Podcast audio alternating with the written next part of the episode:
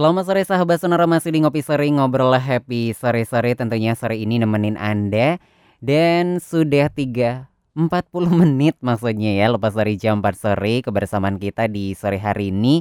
Dan sekarang sudah waktunya kita masuk di ruang psikologi sahabat Sonora. Dan tentunya di sore hari ini seperti yang saya bilang di awal tadi sahabat Sonora Kita akan membahas yaitu Merdeka Belajar Anak Bahagia Tentunya saya tidak sendiri sahabat Sonora walaupun di tengah pandemi COVID-19 seperti ini, ruang psikologi pasti akan selalu menemani Anda setiap hari Rabu dan tentunya kita juga uh, sore hari ini uh, akan berbincang-bincang gitu ya sahabat uh, Sonora. Nah tentunya di ruang psikologi kali ini saya sudah bersama Ibunda Agus Binti Koiriah SPSI MSI MNLP Psikolog Tentunya kita akan ajak ngobrol tentang merdeka belajar anak bahagia. Dan sekarang kita langsung sapa aja uh, Bunda Agus. Selamat sore Bunda. Selamat sore Mas Putra. Apa kabar?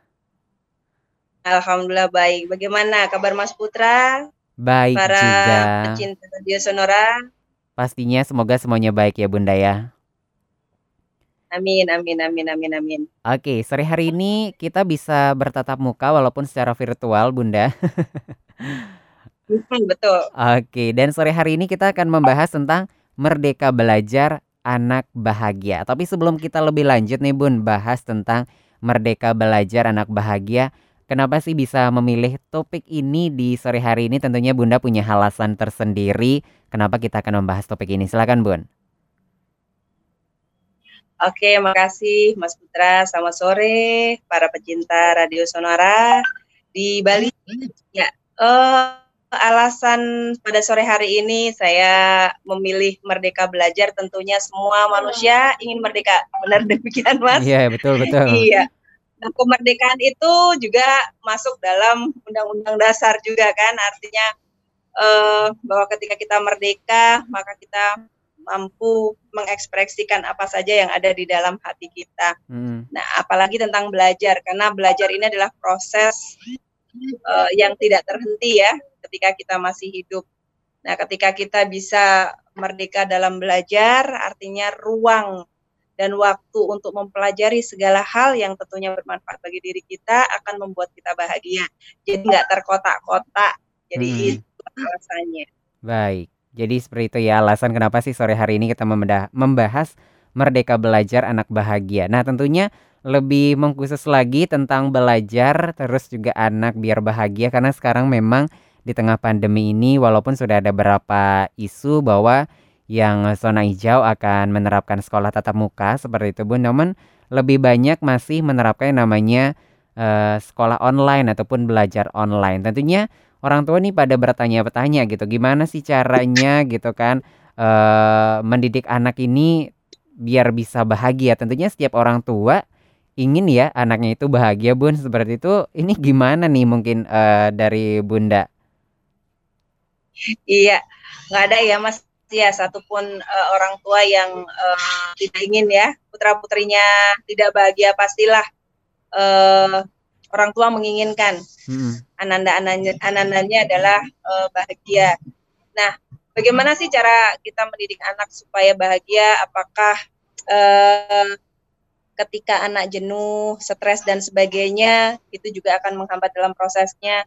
Tentulah. Jadi dalam mendidik anak bahagia tentunya orang tua harus bahagia dulu. Yeah. Ibunya lah harus bahagia dulu. Dimerdekakan dulu jiwanya ya karena jiwa adalah jendela dari segala sesuatunya.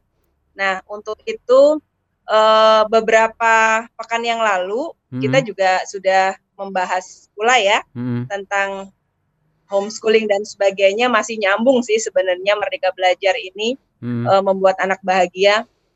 Uh, jadi seperti yang saya sampaikan di awal bahwa untuk mendidik anak bahagia tentulah kita harus memahami anak. Jadi hmm. ruang yang ada, mindset yang ada di pikiran orang tua itu yang uh, mulai diubah luas bahwa pendidikan tidak hanya sekedar akademis, namun pendidikan itu adalah dari bangun tidur sampai tidur lagi. Hmm. Itu eh, kata-kata yang sering saya sampaikan ketika saya mengisi acara di mana pun berada. Hmm.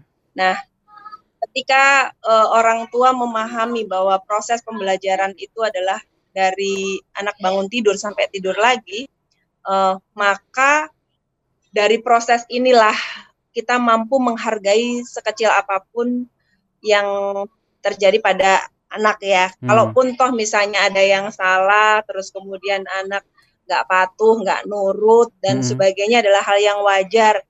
Bundanya ngomel Hmm. atau misalnya terus kesel dan sebagainya adalah hal yang wajar juga karena di situ juga adalah proses belajar.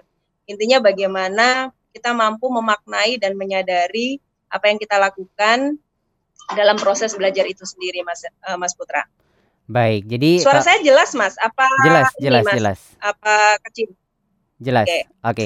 Jadi intinya eh, sebelum menginginkan anak bahagia, orang tua harus bahagia dulu ya, Bun ya.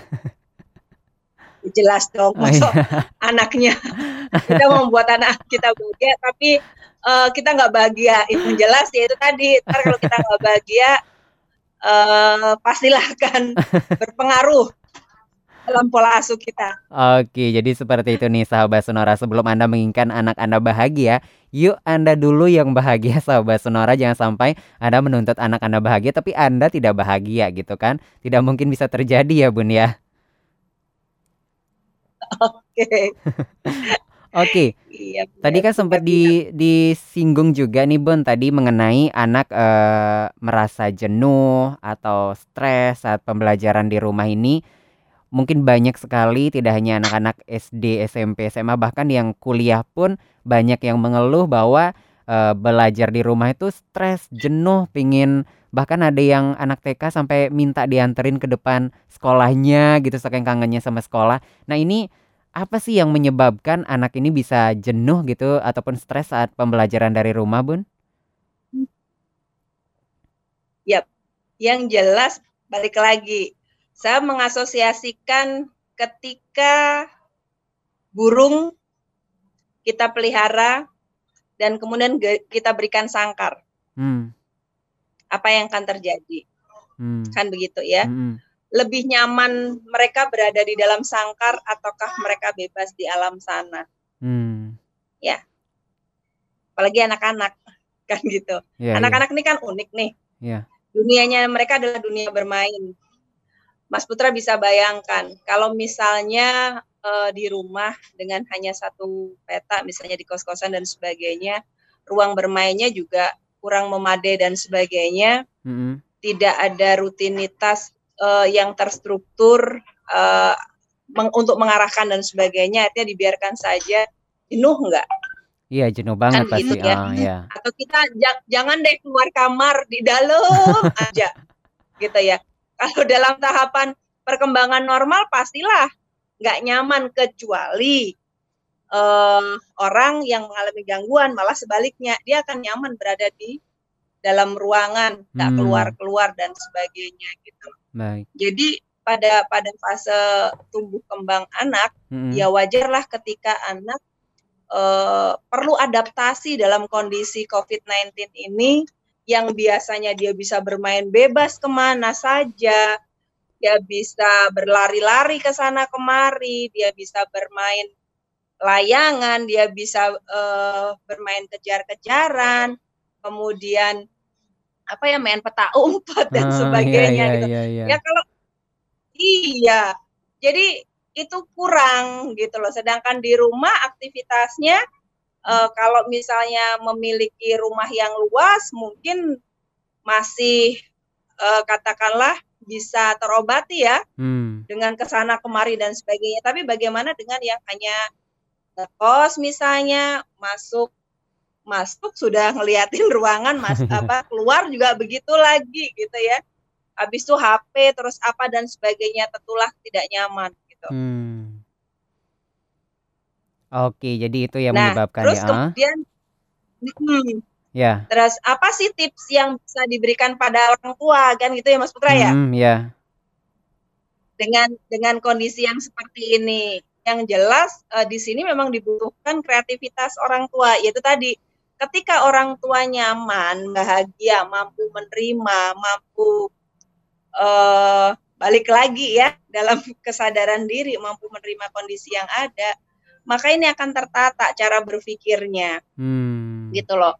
Apa yang seharusnya saya lakukan. Jadi mind mapnya itu benar-benar uh, teratur, tertata, gitu loh. Rutinitas yang yang bisa divariasikan setiap harinya, yang yang tidak membutuhkan uh, banyak biaya sebenarnya gitu loh. Dan hmm. itu memang perlu latihan. Ketika tidak pernah dilatih, artinya rutinitasnya adalah uh, uh, yaitu tadi apa memberikan nafkah hmm.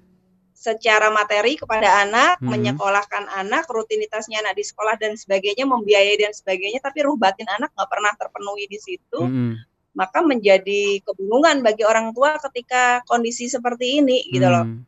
Orang tua juga stres juga gitu ngeliatin yang pola tingkahnya yang luar biasa nih. Jadi ya di situlah sama-sama belajar. Makanya kenapa saya sampaikan merdeka belajar anak bahagia. Hmm. Jadi maknya pun bahagia, merdeka untuk memerdekakan dirinya, belajar bagaimana mamai putra putrinya, anaknya pun juga sama. Jadi hmm. seperti itu. Hmm. Intinya mau membuka diri, mau belajar memaknai kondisi yang terjadi. Nah, nanti kita latih nih. Nah, kita ini kan dipaksa nih. Hmm. Terpaksa dan dipaksa dari kondisi dari zona nyaman ke, ke kondisi zona tidak nyaman sama sekali yang kondisinya ya udahlah.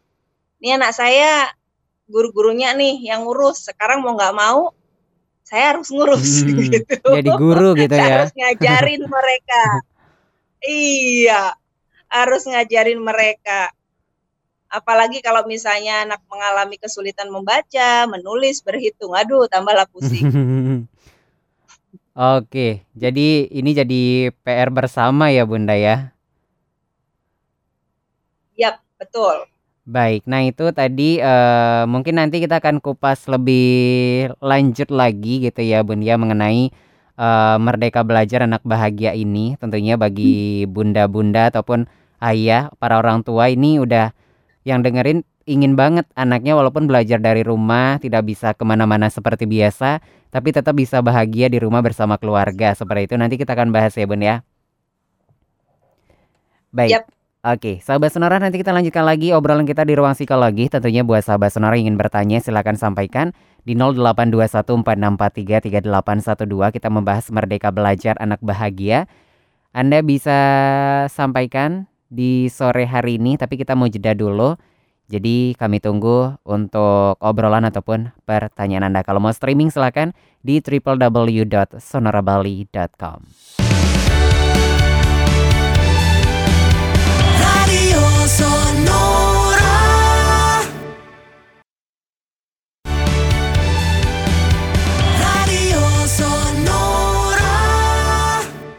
Baik sahabat Sonora, di sore hari ini masih di ruang psikologi tentunya nemenin sahabat Sonora. Dan sore hari ini kita masih tentunya bersama Bunda Agus ya sahabat Sonora. Kita masih membahas Merdeka Belajar Anak Bahagia. Tadi kita sudah bahas bagaimana cara kita mendidik anak bisa bahagia.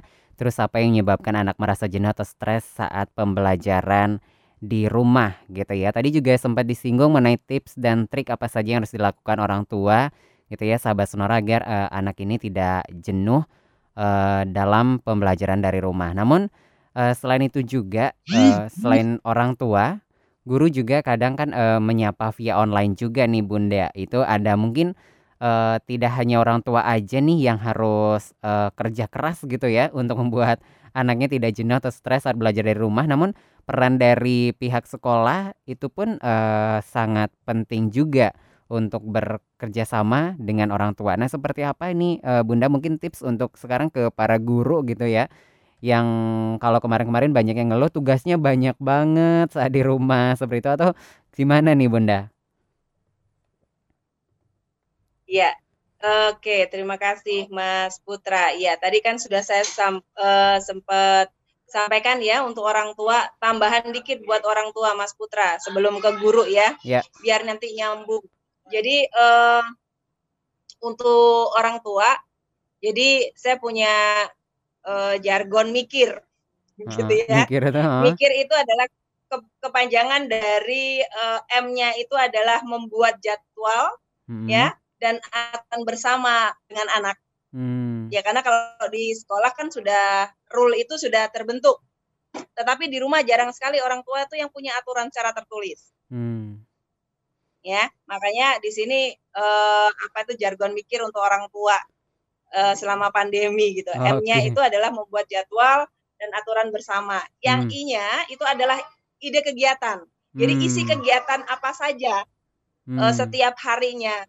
Jadi eh, di rumah masing-masing tentunya kan pasti berbeda. Kalau di sekolah kan ada jadwal pelajarannya nih, nyambungnya di situ. Iya iya iya. Nah, yang kanya itu adalah komunikasi positif. Artinya di sini orang tua eh, terus belajar untuk mengkomunikasikan segala sesuatu, entah itu eh, apa itu penghargaan, terus kemudian instruksi dan sebagainya, sehingga terjalin komunikasi positif dua arah. Hmm. Jadi saling memotivasi. Jadi seperti itu. Hmm. I yang kedua adalah ingatkan waktu dan introspeksi. Jadi mau tidak mau orang tua terus harus ngingetin terus nih dan juga introspeksi. Nah ini juga akan ngajarin anak untuk evaluasi pada dirinya. Oh iya ya ternyata mama aku nggak nggak seserem yang yang kubayangkan dan sebagainya. Ya aku Baik. nggak nggak seheboh yang kubayangkan gitu. Yang R-nya adalah refleksi dan re- eh, apa? Refleksi dan relasi. Nah di sini tentunya butuh eh apa itu kondisi me time juga ya waktu bagaimana anak menikmati orang tua juga menikmati terus kemudian sekarang kan banyak banget ya kelas-kelas dibuka kelas-kelas online dibuka dan sebagainya lah. Di situlah orang tua untuk membuka diri bahwa eh, apa ya belajar terus untuk menambah relasi. Jadi nggak relasi hanya di lingkungan tetangga kanan kiri nggak di tempat pekerjaannya namun ini luas nih. Hmm. seluruh dunia malah. Jadi gitu. Nah bagaimana dengan guru kan gitu. Ya. di masa pandemi ini bagaimana dengan guru? Tentunya guru pun juga berpikir gimana sih supaya eh, nggak jenuh nggak tugas-tugas terus dan sebagainya. Dari Kementerian Pendidikan dan Kebudayaan kemarin juga sudah memberikan juklak yang panjang ya apalagi juga eh, ditayangkan di apa IG maupun Facebook ya. Me- menyatakan bahwa segala sesuatu di websitenya Kementerian Pendidikan dan Kebudayaan di situ sudah ada semuanya sehingga Hmm. anak nggak merasa bosan bisa dengan media televisi dengan cerita terus kemudian eh apa itu dengan PPT dan sebagainya Hmm. namun juga ada visit Hmm. jadi kunjungan kunjungan eh, guru Hmm. ke rumah guru juga bisa membagi kelompok-kelompok tugas kecil. Jadi mana? Jadi kalau kalau di sekolah mungkin di saya di Merdeka Belajar itu kan ada zona ya. Ada zona dan sebagainya. Nah ini guru guru di sekolah juga bisa mengelompokkan eh, kira-kira anak ini dengan temannya yang lain yang terdekat yang mana. Jadi Hmm. seperti itu. Atau mungkin pengelompokannya bisa jadi eh, diacak lagi dengan sehari-harinya ketika dulu di sekolah seperti apa. Hmm. Nah, itu bisa diacak-acak karena kreativitas guru juga untuk mengelompokkan bagian-bagian kecil ini sehingga anak maupun orang tua juga saling belajar untuk mengenal orang tuanya gitu. Hmm. Jadi ketika ketika Zoom, ketika Google Meet dan sebagainya, ini pendampingan khususnya anak-anak yang di kelas-kelas kecil ya Hmm. itu bisa bisa kita lakukan sebagai guru sehingga penyampaian materi itu tetap menarik gak bosen. Jadi seperti itu. Terus eh, bisa juga dengan mencoba project based learning. Hmm. jadi eh, kalau ini sih eh, balik lagi sesuai dengan tingkatan masing-masing. Bagaimana eh, kita mampu eh, bukan kita mampu kita memberikan keyakinan pada orang tua bahwa kemampuan eh, pada anak itu luar biasa sehingga bisa dilatih dengan proyek-proyek kecil lah Hmm. jadi seperti itu apakah jualan online misalnya gitu Hmm. membuat es dan sebagainya Nah, itu kan bisa tuh anak-anak seneng, anak-anak saya juga begitu. Hmm. Jadi lagi jualan jus nih mas, Oke. lagi jualan jus, jualan keripik, jadi seperti Hmm. itu. Jadi mereka nggak bosen gitu loh. Eh, yang mungkin di awal-awal lari ke sana kemari, sekarang udah udah mikir, oh iya ya ternyata aku walaupun di rumah aku bisa loh menghasilkan, jadi seperti Hmm. itu. Terus eh, mengalokasikan waktu yang lebih banyak bagi yang tertinggal, artinya yaitu tadi bagi siswa masing-masing kan tidak sama ya. Walaupun KKM-nya sama, mungkin ada yang tertinggal dan sebagainya. Ini Hmm. adalah bagian untuk mengevaluasi guru dan orang tua untuk eh, saling belajar. Jadi di sini peran serta orang tua dalam pembelajaran sangat dibutuhkan keterlibatannya, mengatur waktunya seperti apa. Salah satu contoh, ketika punya anak empat atau anak dua yang di sekolah itu juga ngasih tugasnya bareng Hmm. jam sekian harus dikumpulin. Iya iya iya iya. Itu kebanyakan protesnya orang tua. Sedangkan handphonenya cuma satu, Hmm. Yang satu lagi pakai bekerja. Nah, gimana cara membaginya ini? Nah, kalau tips saya yang eh, sebagai orang tua eh, kooperatif untuk menghubungi guru kelas tersebut kalau misalnya nggak tembus ke kepala sekolahnya. Artinya negosiasi karena anaknya banyak eh, boleh nggak memiliki tenggang waktu dan guru ataupun sekolah juga memberikan ruang itu. Hmm. Jadi nggak saklek serta merta misalnya tugas harus dikumpulkan jam sekian dan eh, kemudian eh, apa itu kalau kalau lewat dari jam sekian udah dianggap nggak ada. Jadi Hmm. jadi guru juga perlu mengetahui latar belakang kondisi keadaan di rumah seperti apa. Apakah ada internet kah? Apakah memiliki handphone kah? Atau enggak sama sekali gitu loh. Maksudnya ya Hmm. nggak ada handphone dan tapi nggak mungkin ya sekarang nggak ada Iya iya handphone iya gitu iya. ya.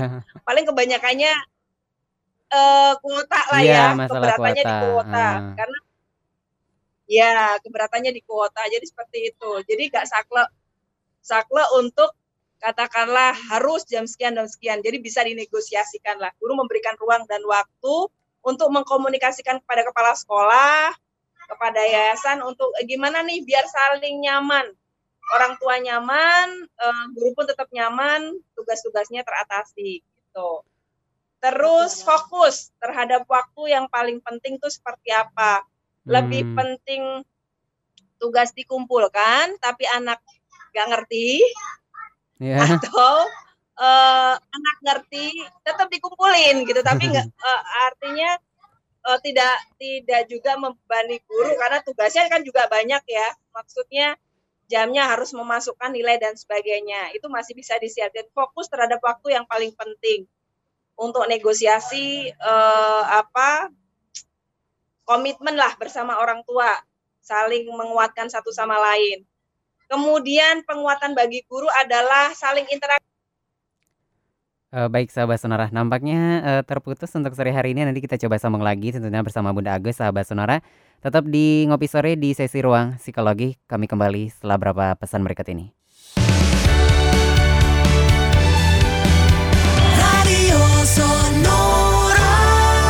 Masih di ngopi sore ngobrol happy sore-sore di sesi ruang psikologi sahabat sonora di sore hari ini. Tadi kita sempat terputus ya sahabat sonora padahal masih membahas ini tentang tips dan trik tadi eh, dari selaku orang tua dan juga guru. Mungkin ini kebetulan juga eh, ada WhatsApp masuk dari Ibu Lydia. Ini katanya tadi eh, nanyain tentang eh, mikir gitu katanya. Ya mikir itu eh, boleh diulang katanya bunda. Karena saya benar-benar mikir katanya sore hari ini ya.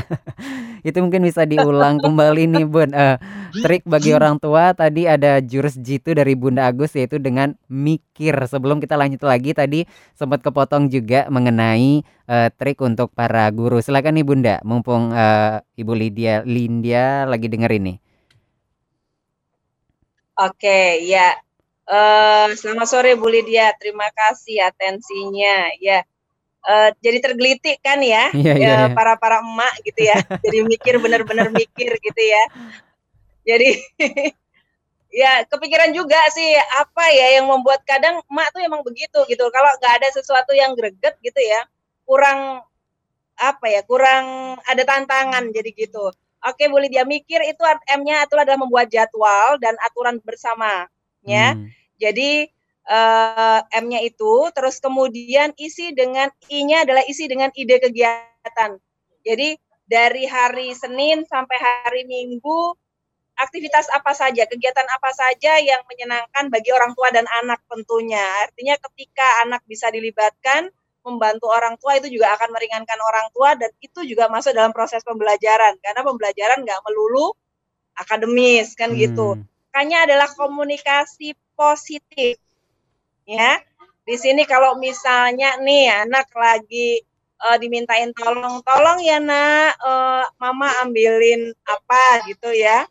Terus kok dia masih asik dengan gadget atau nonton TV-nya.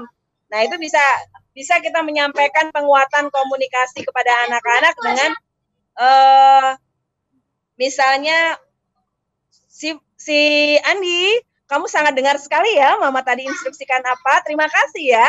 Kamu Hmm. segera misalnya gitu melakukan Hmm. apa yang Mama instruksikan. Nah, itu tadi ya komunikasi positif. I-nya adalah ingatkan waktu dan introspeksi. Artinya eh, kita nge-review lagi apa yang sudah disepakati bersama untuk bisa dilakukan dan kemudian mengevaluasi apa-apa yang masih katakanlah kurang pada diri kita sebagai orang tua juga anak-anak juga belajar untuk mengevaluasi. Tadi aku sudah melakukan apa saja gitu loh. Hmm. adakah kesalahan yang saya lakukan dan sebagainya gitu. Hmm. Bun emang anak kecil bisa Bun? Oh bisa. Siapa siapa bilang nggak bisa? Hmm. ya karena nggak pernah dicoba aja mungkin ya. Gitu. Tapi kalau eh, dengan prakteknya anak-anak saya sih alhamdulillah sih ya kadang kita tercengang-cengang sendiri gitu ya Hmm. wah ternyata anak seusia gini paham banget R-nya adalah refleksi dan relasi gitu jadi refleksi artinya kita mampu merefleksikan makna yang eh, terjadi dalam satu hari itu Hmm. ya baik dengan relaksasi terus kemudian eh, apa itu memaknai apa saja yang terjadi manfaat apa eh, kurangnya apa seperti eh, seperti apa dan bagaimana. Terus kemudian menjalin relasi. Relasi nggak hanya tetangga kanan kiri namun juga memperbanyak hasanah yang yang daripada aku nggak ngapa-ngapain gitu ya. Hmm. yang tadi itu tadi saya bilang project based learning tadi saya ngajarin anak-anak untuk jualan tadi. Jadi seperti itu. Jadi banyak banyak faktor sih. Eh, kalau kita bilang nggak bakalan mati gaya deh gitu ya. Hmm. Banyak hal yang bisa kita lakukan di masa pandemi ini. Malah mungkin kalau kalau anak-anak eh, anak-anak dikatakan kamu mau balik lagi ke sekolah atau seperti ini merdeka seperti ini mereka gitu. Karena karena yang mereka bisa melakukan apa saja yang mereka mau tetapi mereka tetap tetap bisa belajar eh, banyak hal ya Hmm. seperti itu kalau bermain dan sebagainya tentulah ya pinginlah bersama dengan teman-teman dan sebagainya tapi balik lagi jadi eh, ketika kita mengalami kendala atau kesulitan hal apa pun selalu ada peluang Hmm. jalan itu selalu ada nggak pernah tidak Tuh. mungkin itu mas Baik, itu ya. mikirnya ya Mikirnya ya Bu Lydia, Lydia ya. Mudah-mudahan udah terjawab Bu Lydia sore hari ini nih langsung ada yang nyambung Bapak Made dari Gianyar. Nah, ini katanya wah dengerin dari tadi nih. Tadi saya udah dengerin banget masalah saya kebetulan guru katanya. Oh, jadi ini keputus tadi ya trik dan tipsnya dari guru juga. Mungkin ini kita bisa uh, flashback lagi nih Bunda. Kayaknya Pak Made juga penasaran banget ya. Silakan Bunda. Iya, terima kasih. Selamat sore Pak Made. Iya, tadi udah banyak ya panjang kali lebar saya sampaikan. Mungkin saya rangkum. Salah satunya adalah eh, bagaimana guru pun juga sama-sama happy-nya ya. Kemampuan guru memanfaatkan teknologi saat ini wajib untuk bisa dimiliki ya. Karena apa pun namanya kita dipaksa dan terpaksa mempelajari IT. Yang old old itu mau tidak mau harus gitu loh. Kalau yang milenial oke lah gitu ya. Karena pertama untuk menunjukkan kemampuan guru dalam memanfaatkan media teknologi dengan presentasi Zoom, penugasan via Google. Kalau nggak ada IT-nya kan repot juga gitu ya. Hmm, ya, ya, ya, ya. Jadi seperti itu dan itu cara yang menyenangkan seperti tadi saya sampaikan eh, kalau presentasi lewat Zoom mau tidak mau kita harus membuat PPT. Hmm. Nah, apa sebenarnya itu menarik juga kan kalau misalnya kita tatap muka eh, apa itu lebih banyak di kelas kita menjelaskan dengan papan tulis dan sebagainya. Audiovisual juga bisa gitu. Terus kemudian pemberencana dan efektif apa pun namanya ketika guru mengajar perlu adanya perencanaan. Hmm. Nggak mungkin eh, tidak terencana ya. Tetap kira-kira eh, apa kompetensi dasar, goal yang apa yang dituju itu memang wajib itu Hmm. dilakukan. Karena eh, dalam pembelajaran terencana dan efektif, maka eh, kita bisa menyiasati apa pun yang terjadi gitu ya. Iya. Nah, guru dan siswa dapat menetapkan tujuan pembelajaran, apalagi yang saat ini ya seperti tadi saya sampaikan, ada bukan komitmen ya apa? Ada negosiasi lah ya, ada negosiasi di situ. Ketika misalnya orang tua yang nggak punya HP dan sebagainya, seperti itu harus bagaimana memberikan ruang Hmm. untuk itu. Nah, kalau misalnya kendalanya adalah waktu dan sebagainya, eh, bagaimana caranya gitu. Kemudian menyatukan persepsi, ya, menyatukan persepsi antara guru, orang tua dan siswa dan anak. Jadi seperti itu tadi, nyambungnya di situ. Hmm. Terus apa lagi ya? Saya kok jadi ngeblank juga. Terus kemudian menyat eh, penguatan karakter Iya, iya, siswa. iya. Gimana cara menguatkan karakter siswa? Ya itu tadi menumbuhkan kesadaran dan tanggung jawab. Kalau misalnya di sekolah salah satu contoh nih Mas Putra, Hmm. kemarin sore eh ada orang tua yang datang eh, ke biro kami gitu ya. Terus kemudian bingung nih eh, seperti apa. Kalau dulu ketika sekolah dia rajin nih bangun pagi gitu. Hmm. Tapi ketika masa pandemi bangunnya siang. Terus gimana tuh Iya, katanya iya, iya, gitu. iya. Makanya saya bilang, lah di sinilah perlunya kerjasama orang tua dan guru. Yang mau dituju itu anak yang seperti apa. Semua sih Hmm. penting gitu loh ya. Nah karakter di sini, penguatan karakter di sini emang sangat penting. Artinya kecerdasan emosi itu sangat menentukan bagaimana kelak di kesuksesannya di masa depan. Hmm. Dia mau pinter kayak apa? Kalau misalnya nggak eh, kecerdasan emosinya rendah, maka yang terjadi yaitu tadi saya tertib jika ada Hmm. sesuatu Iya, gitu. iya, iya, iya. Nah, ini yang perlu dibangun oleh guru mumpung orang tua nih di rumah masa pandemi dikuatkan. Ayo, ayah bunda di rumah walaupun eh, katakanlah eh, tidak ke sekolah gitulah. Itu tadi yang mikir tadi tuh Hmm. itu bisa diaktifkan untuk pembekuan karakter tersebut sehingga tetap bangunnya itu tetap karena kebiasaan orang tua kalau sekolah boleh dia bangun eh, apa harus bangun pagi bukan boleh ya Iya, iya, iya. ya harus bangun pagi tapi ketika libur bolehlah bangun siang nah jadi nggak mikir deh kalau kayak Ah. gitu jadi perlu kerjasama dalam penguatan karakter eh, di situ antara guru dan orang tua benar-benar itu menjadi prioritas sehingga tugas apa pun yang diberikan anak anak merasa berkesadaran ber- ber- berkesadaran ber- dan bertanggung jawab untuk mau melakukan tanpa ada keterpaksaan Hmm. dan dilakukan dengan senang hati. Mungkin itu deh. Oke, jadi itu nih sahabat Semoga Sonora. bermanfaat Pak Made. Iya, jadi buat Pak Made terus Bu Linda juga tadi kebetulan nih sepasang ya antara orang tua dan juga guru. Jadi pas banget nih. Jadi memang Guru pas. iya, jadi harus memang saling support ya antara orang tua dan juga guru seperti itu ya, Bunda ya. Betul. Nah, sore hari ini waktu sudah menunjukkan jam setengah enam, tapi sebelum maksudnya masih banyak sebenarnya kita pengen obrolin tentang eh, merdeka belajar anak bahagia ini. Tapi sebagai kesimpulan nih Bunda, dari Bunda mengenai topik kita, eh, apa ingin disampaikan lagi buat sahabat Sonora? Silakan. Ya, saya mencuplik dari eh, Bapak Ki Hajar Dewantara bahwa kemerdekaan hendaknya dikenakan terhadap caranya anak-anak berpikir, yaitu jangan selalu dipelopori atau disuruh mengakui buah pikiran orang lain, Hmm. akan tetapi biasakanlah anak-anak mencari sendiri segala pengetahuan dengan menggunakan pikirannya sendiri. Itu aja Mas Putra. Oke, jadi seperti itu ya. Dan ini kuncinya juga eh, tadi antara orang tua dan juga pihak sekolah ataupun guru ini harus benar-benar saling berkoordinasi, komunikasi seperti itu ya Bunda ya.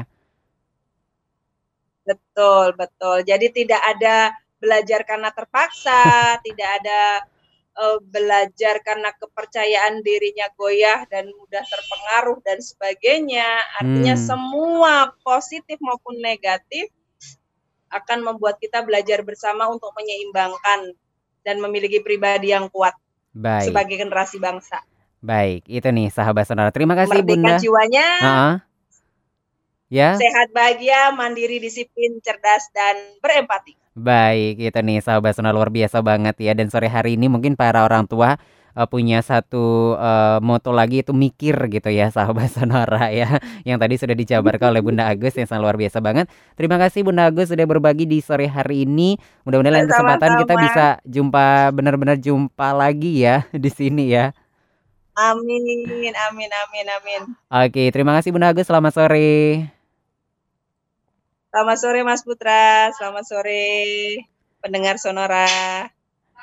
Baik, sahabat Sonora, itu dia obrolan kita di sore hari ini bersama Bunda Agus dan tentunya buat sahabat Sonora yang tadi mungkin ada bertanya-tanya kelewatan nanti bisa kembali mendengarkan di www.sonorabali.com atau di Spotify cari aja Sonora Bali 98,9 FM.